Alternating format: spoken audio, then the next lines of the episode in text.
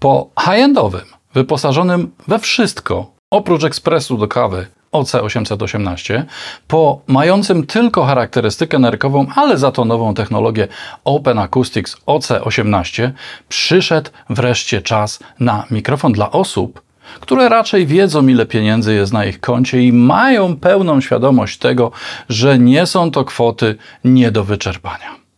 OC16 dopiero zaczyna pojawiać się w sprzedaży, ale z ceną w okolicach 1800 zł już staje się jednym z najchętniej kupowanych mikrofonów pojemnościowych wyposażonych w dużą membranę, czyli takich, które dla każdego studia są jak olej do smażenia frytek w barach szybkiej obsługi. Po prostu niezbędne.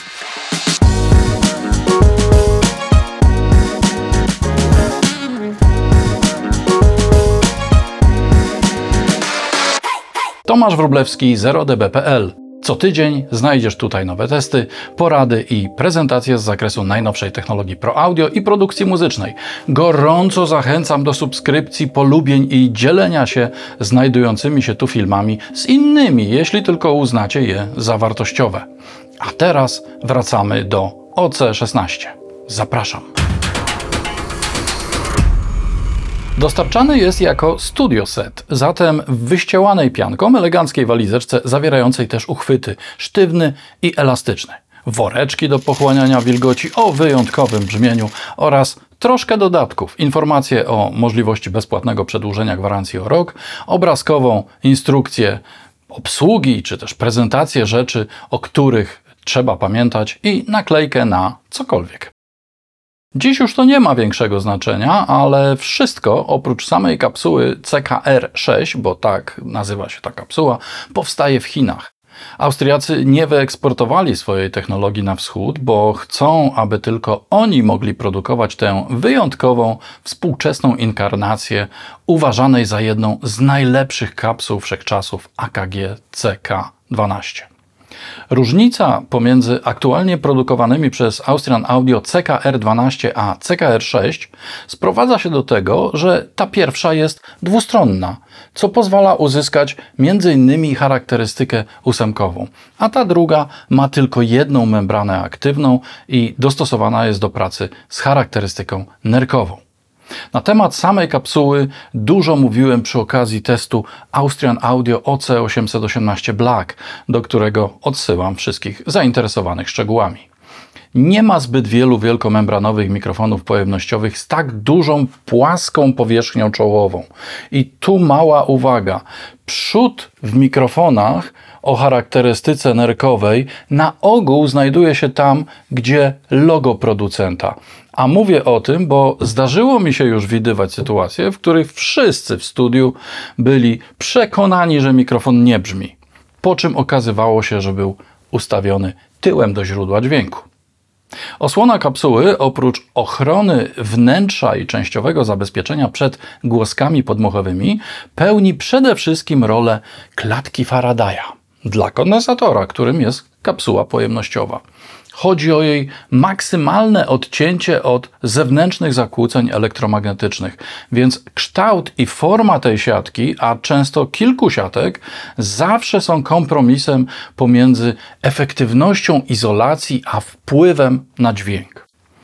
A zatem ta duża powierzchnia czołowa w wypadku OC16 z pewnością jest jednym z elementów mających wpływ na brzmienie, zwłaszcza w kontekście dźwięków dobiegających spoza osi. Kolista osłona w swym założeniu ma zapewnić utrzymanie w miarę wyrównanej charakterystyki interakcji dźwięk-siatka, niezależnie od kąta padania dźwięku. Jednak udane eksperymenty Neumana ze spłaszczoną i ustawioną pod kątem osłoną w modelu U67, a potem U87 pokazały, że kolistość osłony nie jest jedyną gwarancją dobrego brzmienia. Tutaj mamy dwie warstwy siatki i całkowicie metalowy odlewany korpus. Mikrofon nie jest duży i powinien zmieścić się w dłoni nie za dużej wielkości. Ponadto jest stosunkowo lekki, ważąc 333 gramy. Nie będzie nam zatem wyginać statywu, jak co po niektóre sztuki ważące w okolicach 1 kg. Cóż takiego producent mówi o swoim najnowszym mikrofonie? Pierwsza rzecz to fakt, że ma tak zwaną ceramiczną kapsułę. To oczywiście skrót myślowy powielany wszędzie i przez każdego, kto nie zna się na technologii mikrofonów. Ze spieków ceramicznych wykonana jest bowiem tylko obejma dla elektrody stałej i membrany, pozwalając od tak uzyskać wszystko to, co sprawiało, że oryginalne kapsuły CK12 były tak pracochłonne w produkcji i strojeniu, a wytwarzano średnio jedną kapsułę dziennie. Producent podkreśla też dużą odporność mikrofonu na wysoki poziom ciśnienia dźwięku sięgający 148 dB SPL, choć bez podania zakresu częstotliwości i wartości zniekształceń nieliniowych.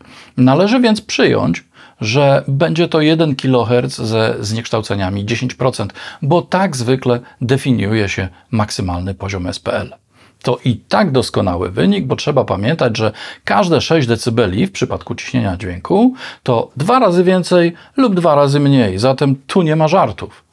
Od strony praktycznej oznacza to, że mikrofon można umieścić na przykład przy werblu, mm, choć nie znam zbyt wielu realizatorów, którzy decydują się aż na takie poświęcenie. Bębniarze w amoku, zwłaszcza początkujący, lubią tłuc po wszystkim zasięgu pałeczek, więc i mikrofonom dostaje się dość często. Mocno zastanowiła mnie technologia Open Acoustics. Producenci lubią czasem rzucić jakimś chwytliwym hasłem i o ile w przypadku dwumembranowych mikrofonów dynamicznych Austrian Audio owa konstrukcja była dla mnie w pewnym sensie zrozumiała, to tutaj musiałem już pochwycić języka wśród konstruktorów.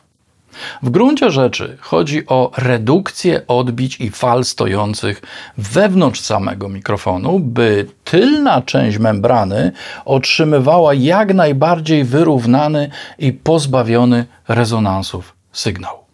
Być może kojarzycie występujące w innych mikrofonach takie stożkowe podstawki, na których osadzona jest kapsuła. To jedna z metod na kontrolę tej sytuacji. Tutaj jednak kapsuła jest całkowicie otwarta wewnątrz mikrofonu, ale niejako widzi to wnętrze poprzez swoisty rezystor akustyczny, którego częścią jest specjalna pianka produkcji szwajcarskiej w CKR12 stosowana do separacji akustycznej tyłów obu połówek tej kapsuły. W efekcie mamy uzyskać bardzo spójną charakterystykę kierunkową. Elektronika jest całkowicie powierzchniowa, dyskretna, czyli bez układów scalonych i z symetryzowanym elektronicznie wyjściem.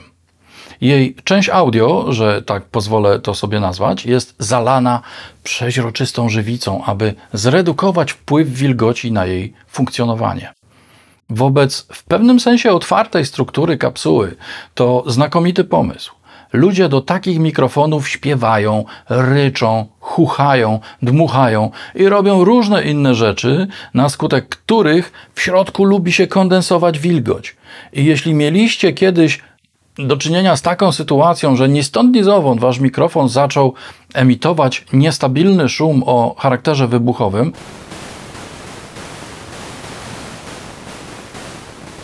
to jedną z możliwych przyczyn takiego stanu rzeczy jest właśnie wilgoć w elektronice, zwłaszcza na wyjątkowo na nią wrażliwych rezystorach polaryzacji kapsuły oraz bramki tranzystora FET. Uchwyt elastyczny? Hm. Jeśli zamontujecie na nim mikrofon raz i tak już zostanie, y, to w sumie może być. Ale nie wiem, czy łatwo da się go z niego później wyjąć za jakieś na przykład 2-3 lata, gdy guma wewnątrz tego uchwytu zmieni swoje właściwości i przyklei się do mikrofonu. Generalnie użytą tu koncepcję bazującą na zaciskaniu uważam za pomysł z grupy średnich.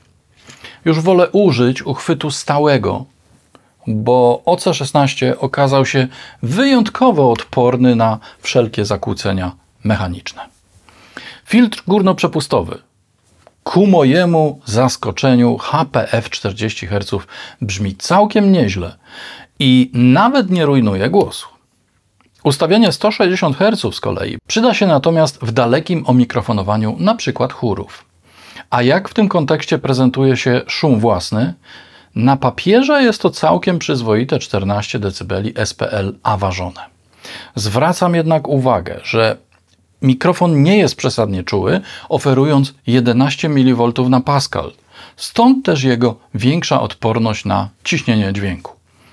To jest temat na dłuższą dyskusję, bo dotyczy dopasowania impedancji mikrofonu do przedwzmacniacza. Choć może się to wydawać paradoksem, ale czym mniejsza wartość gain, tym większy poziom szumów własnych przedwzmacniacza. Tu w grę wchodzą wartości rezystancji. Czym większa, tym wyższy poziom szumów Johnsona. Tak czy owak, nieco mniej czułe mikrofony, takie jak właśnie OC16, we współpracy z dobrym przedwzmacniaczem mogą per saldo dać mniej szumów w nagraniu niż mikrofon o większej czułości. Aby jednak sprowadzić wszystko na właściwy grunt, wystarczy wspomnieć, że poziom szumów własnych mikrofonów w normalnych warunkach nagraniowych niemal zawsze będzie o kilka rzędów wielkości mniejszy niż poziom naturalnych szumów tła akustycznego, więc nie dzielmy włosa na czworo. Ja tu tak gadu gadu, a wy wciąż nie wiecie, jak ten mikrofon brzmi, czy jest lepszy, czy gorszy, czy warto, czy nie warto i czy do rapu, czy podcastów. Pomału, nie od razu, karczek usmażono, jak mawiają popijając piwo piątkowi grillmasterzy. OC16 to nie jest zwykły mikrofon to esencja współczesności. Ostateczne zerwanie więzów ze wszystkimi sentymentami vintage i produkt, który pod wieloma względami wyznacza ścieżkę rozwoju innych tego typu mikrofonów. Podziwiam konstruktorów z Austrian Audio za odwagę we wdrażaniu zupełnie nowych koncepcji, znacznie lepiej dostosowanych do współczesnych potrzeb i wymagań niż kolejny klon kolejnego U czy kolejnego C. Wszystkie klasyczne dziś mikrofony powstały na potrzeby studiów analogowych z rejestratorami taśmowymi i dość ograniczonym zasobem sprzętowym. Dziś wszystko dzieje się cyfrowo. Procesory możemy mieć dowolne i w każdej ilości, a słuchając wszechobecnych zautotunowanych wokali, można zadać pytanie, czy do nagrywania takich partii naprawdę potrzebny jest mikrofon, którego korzenie sięgają lat 50. minionego wieku? Na moim głosie OC16 brzmi tak. Jeśli mieliście kiedyś taką sytuację, że ni stąd, ni zowąd wasz mikrofon zaczął emitować niestabilny szum o charakterze wybuchowym, to jedną z możliwych przyczyn takiego stanu rzeczy jest właśnie wilgoć w elektronice. Zwłaszcza na wyjątkowo na nią wrażliwych rezystorach polaryzacji kapsuły oraz bramki tranzystora FET. A teraz dla porównania kilka innych. Aston Spirit jeśli mieliście kiedyś taką sytuację, że ni stąd, ni zowąd wasz mikrofon zaczął emitować niestabilny szum o charakterze wybuchowym, to jedną z możliwych przyczyn takiego stanu rzeczy jest właśnie wilgoć w elektronice. Zwłaszcza na wyjątkowo na nią wrażliwych rezystorach polaryzacji kapsuły oraz bramki tranzystora FET. MXL 2006. Jeśli mieliście kiedyś taką sytuację, że ni stąd, ni zowąd wasz mikrofon zaczął emitować niestabilny szum o charakterze wybuchowym, to jedną z możliwych przyczyn takiego stanu rzeczy jest właśnie wilgoć w elektronice. Zwłaszcza na wyjątkowo na nią wrażliwych rezystorach polaryzacji kapsuły oraz bramki tranzystora FET. United Twin 87. Jeśli mieliście kiedyś do czynienia z taką sytuacją, że ni stąd ni zowąd wasz mikrofon zaczął emitować niestabilny szum o charakterze wybuchowym, to jedną z możliwych przyczyn takiego stanu rzeczy jest właśnie wilgoć w elektronice zwłaszcza na wyjątkowo na nią wrażliwych rezystorach polaryzacji kapsuły oraz bramki tranzystora FET. Warm Audio WA47 Junior. Jeśli mieliście kiedyś taką sytuację, że ni stąd ni zowąd wasz mikrofon zaczął emitować niestabilny szum o charakterze wybuchowym, to jedną z możliwych przyczyn takiego stanu rzeczy jest właśnie wilgoć w elektronice zwłaszcza na wyjątkowo na nią wrażliwych rezystorach polaryzacji kapsuły oraz bramki tranzystora FET. I ponownie OC16. Jeśli mieliście kiedyś taką sytuację, że ni stąd, ni zowąd wasz mikrofon zaczął emitować niestabilny szum o charakterze wybuchowym, to jedną z możliwych przyczyn takiego stanu rzeczy jest właśnie wilgoć w elektronice. Zwłaszcza na wyjątkowo na nią wrażliwych rezystorach polaryzacji kapsuły oraz bramki tranzystora FET. Teraz trochę gitary akustycznej, bo akurat miałem do nagrania jeden mały fragment, więc sprawdziłem, jak on zabrzmi na różnych mikrofonach. Dość blisko, 12 próg, trochę z dołu, żeby 120 Hz nie rezonowało zbyt mocno. Pamiętajcie o tym, że ustawiając mikrofon w jednej czwartej wysokości pomieszczenia, a niestety tak się go często ustawia, wychwytuje się maksimum rezonansu osiowego podłoga sufit. Poza tym większość z nas na tej właśnie wysokości ma głowę podczas odsłuchu z monitorów, zatem znając wysokość swojego pomieszczenia, łatwo można wyliczyć, cóż to za częstotliwość będzie najbardziej wyrazista. No dobra, dobra, gitara. Aha, wszystkie sygnały po nagraniu poddałem normalizacji bez rujnowania proporcji poziom średni, poziom maksymalny. Na sumie, żeby wszystkie miały jednakowe szanse, znalazł się wirtualny Fairchild 670, a same gitary wysyłkowo wzbogaciłem o subtelny pogłos Valhalla. OC16.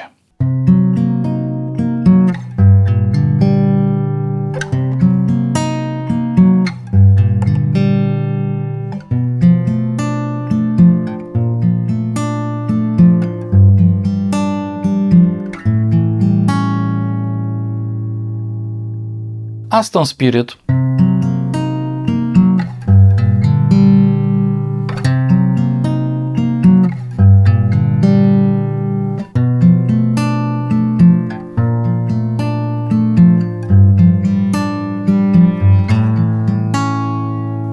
MXL 2006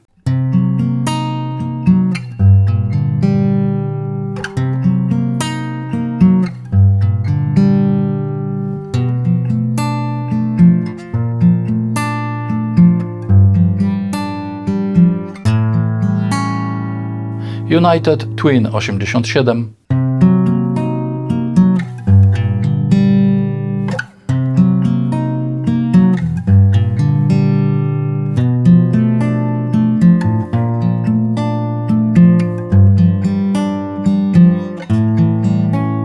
Worm Audio WA47 Junior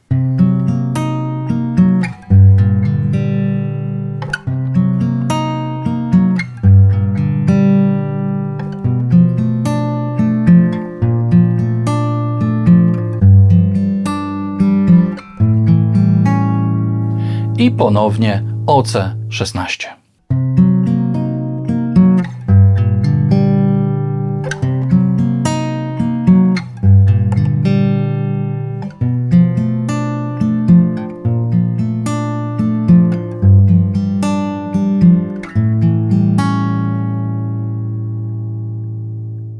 Zapewne podzielicie moją opinię, że OC16 to mikrofon o wyjątkowo neutralnym, a do tego zrównoważonym, głębokim, czytelnym, otwartym i bardzo czystym brzmieniu.